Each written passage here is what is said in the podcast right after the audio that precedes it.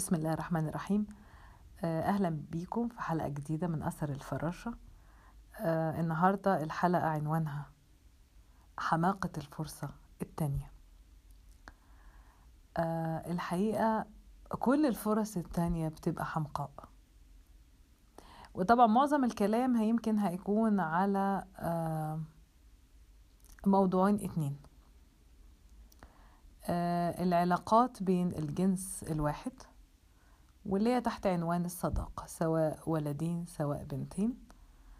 آه، والموضوع التاني طبعا اللي ياخد مساحة أكبر فكرة العلاقة ما بين آه، المرأة والرجل. وفكرة إن الواحد يدي فرصة تانية. طبعا الحماقة هنا بتتحدد على إنك أنت بترجع للطرف اللي قطعت معاه في أي مرحلة. آه، أكيد لو ابتدينا مثلا بمرحلة الصداقة آه، إيه فكرة حماقة الفرصة التانية؟ طبعا مما لا شك فيه إن الناس لازم في العلاقات تعدي حاجات كتير لبعض لازم ولازم تعدي للي قدامك وهو يعدي لك لأنه استحالة بمكان إنك أنت مش بتغلط ومش ممكن يبقى عندك أخطاء فادحة آه كلنا كده. لكن هي الفكرة إنه إمتى الشخص يكون أحمق لما يدي فرصة تانية؟ لما يبقى الطرف اللي قدامك آه، تجاوز حدوده. أعتقد ما ينفعش ترجع. ده بالنسبة للصداقة لما يكون اكتشفت بعد طول عمر إنه برضو مش فاهمك في حاجات مهمة. آه، لأ يعني هنا مفيش داعي إنك ترجع للعلاقة دي.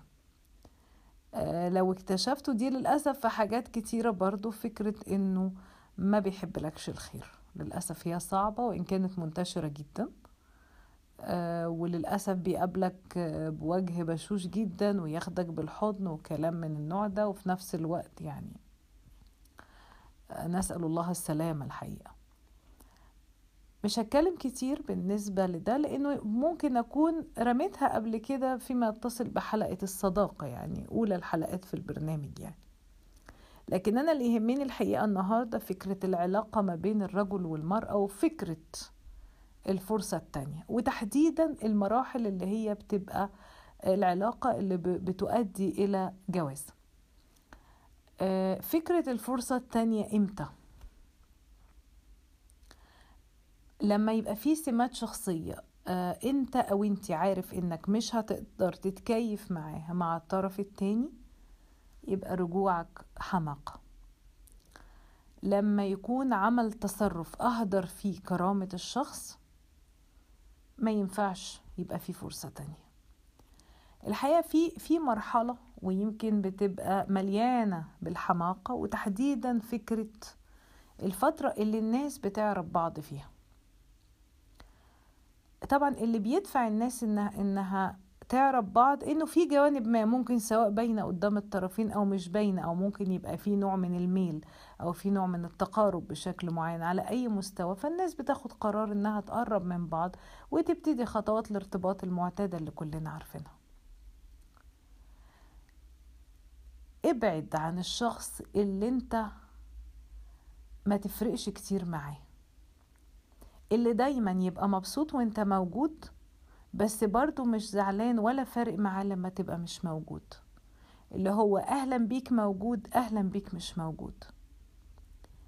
اللي ياخد فترات زمنية طويلة عشان يطيب خاطرك ابعد عنه مفيش فرصة تانية. اللي ممكن نلخص كل ده في إنه أنت مش غالي عنده. مش غالي دي بقى بتفرق بيننا وبين بعض في طريقتها لكن كلنا بنحس إحنا غاليين ولا مش غاليين. ودي على فكرة ممكن يعني أوضحها لكم بشكل إجرائي جدا وواضح في فكرة المسج اللي بتتبعت. لما يبقى في شخص أنت داخل معاه في علاقة الارتباط بعد كده وبعدين تلاقي إنك أنت بتبعت ويمكن البنات الحياة بتبقى المسائل دي أكتر تبعتي رسائل كتير وكل فين وفين يرد. أنا آسفة أقولك ده مش باقي عليكي. أو هيدخل معاكي في الارتباط لكن ما هواش يعني ما فيش قدر كافي من التقدير ليكي. ده ينطبق على الجنسين. برضو في راجل ممكن يبعت مسج كتير عقبال ما ترد. طبعا الناس ما بتاخدش قرار حاسم ليه؟ لأنه ساعات تضحك على نفسها وتقول لك إيه؟ ما هو في الآخر رد. ما هو لو امانه لو مش فارقة ما كانش رد أحيانا بيرد مجاملة أحيانا بيرد من الزهق. لكن مش ممكن. بنسيب حد يفرق معانا. هي دايما جوهر المسألة يفرق معاكي ولا ما يفرقش. جزء من إنه يفرق لأ. إزاي الشخص الغالي عندي يبعت مسج؟ طبعا مما لا شك فيه إن إحنا بنقولش إنه الواحد يبعت مسج وب... و... وعلى طول لازم حد يرد. بس ما يتبعتش أكتر من اتنين مسج وما ردش لأ. مش معقولة يعني عمل حادثة في الطريق وبعدين لما جه الإسعاف الإسعاف اتقلبت وبعد كده كان فيه هليكوبتر في الطريق فدخلت بالعرض وبعد كده كان فيه كوبري بيتعمل فجزء منه وقع. يعني مفيش الكلام الفارغ ده. شفنا حكايات كتير في الدنيا. اللي بيبقى مقدر حد ما بيستناش عليه. بيقلق يكون حصل له حاجة. بيفرق دنيته بتفرق إنه يغيب. هنا فعلا قمة الحماقة إنه الشخص يستمر مع حد بالطريقة دي. حتى لو كانت المسج اللي بيبعتها لك أو المسج اللي هي بتبعتها لك بتخليك طاير. ده جزء من الحماقة برضو. الحاجات دي بتحصل كتير جدا وكتير جدا. وممكن الناس يعني تستمر فترات زمنية وغالبا ما بيكتبش للعلاقات دي النجاح لأنه صعب جدا طرف يفضل يدي يدي يدي والتاني لأ. جزء من حقك أو حقك إنه اللي قدامك يبقى شريك زي ما أنت شريك. مش شرط المسائل تبقى قريبة قوي بس مش المفروض تكون بعيدة. مش المفروض دايما طرف. هو اللي يقدم تنازلات. طبعا لو لو ابتدينا بقى نستمر في العلاقة لغاية ما توصل لجواز وكذا وكذا هنلاقي فكرة إن دايما طرف هو اللي بيدي أكتر والتاني بيستقبل بنفس الطريقة. بس بتؤدي الحقيقة إنه لا قدر الله بتؤدي إلى انفصال أو على الأقل ما راحوش للمأذون ينفصلوا لكن هم فعليا لما تبص لهم هم فعلا منفصلين. يعني كل واحد في دنيته مفيش أكتر من العلاقات بالمنظر ده. آه على الورق هما متجوزين وعندهم عيال بس فعليا كل واحد في جزيرة لوحده. نتيجة لأنه في جزء كبير من الزيجات كان في طرف عايز يعدي المسألة وكان بيعدي حاجات ما تتعداش علشان يمشي المسألة. وطبعا بعد الجواز أوكي يعني برضو يستمر خاصة لو الست كانت عايزة طبعا تنجب وإحنا فاهمين الموضوع ده وتبلع حاجات كتير وكذا وكذا وكذا. مما لا شك فيه إنه اللي بيخلي الدنيا تستمر الوازع الديني وكذا وكذا وكذا.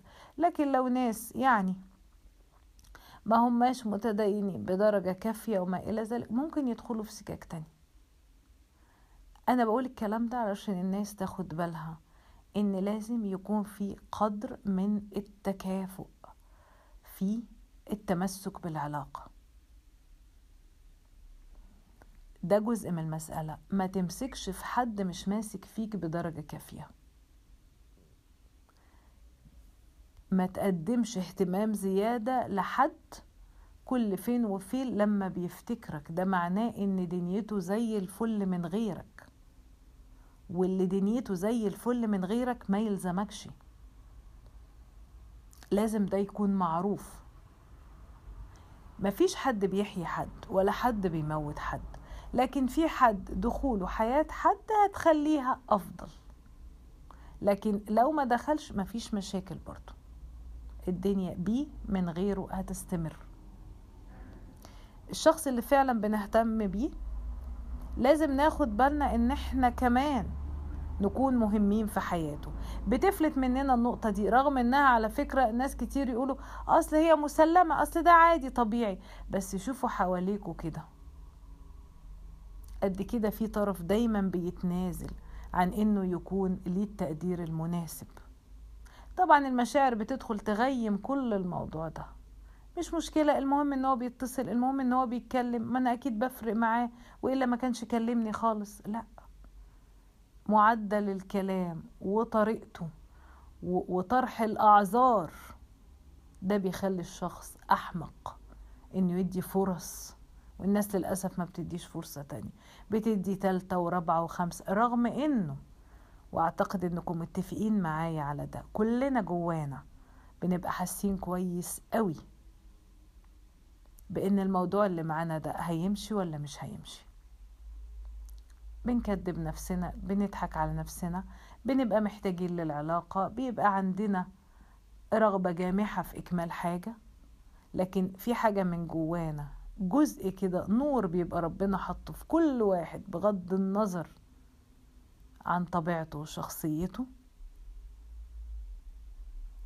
لا بنبقى حاسين إذا كان الموقف ده هيمشي ولا مش هيمشي ومع كده بنكذب نفسنا.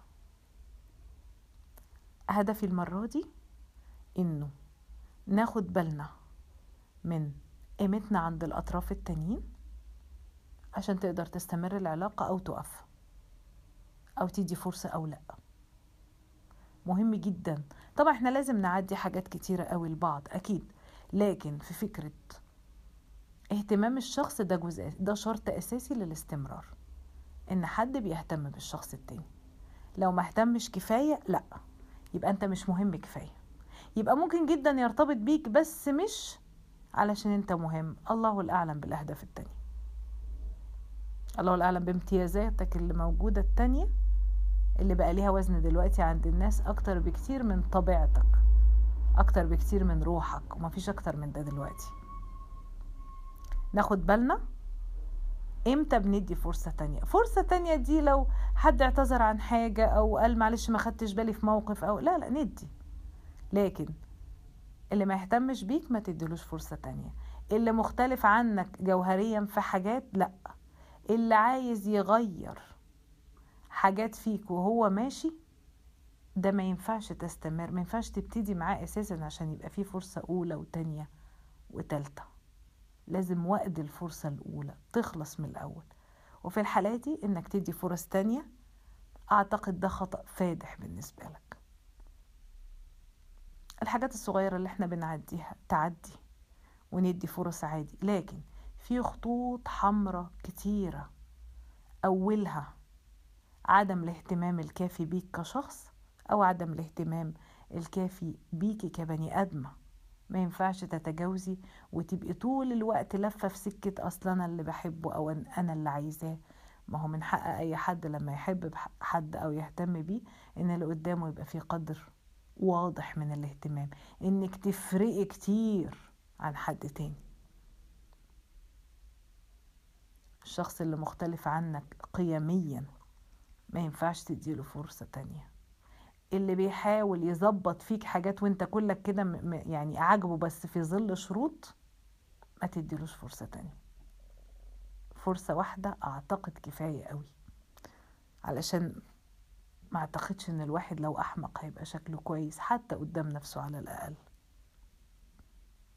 وشكرا.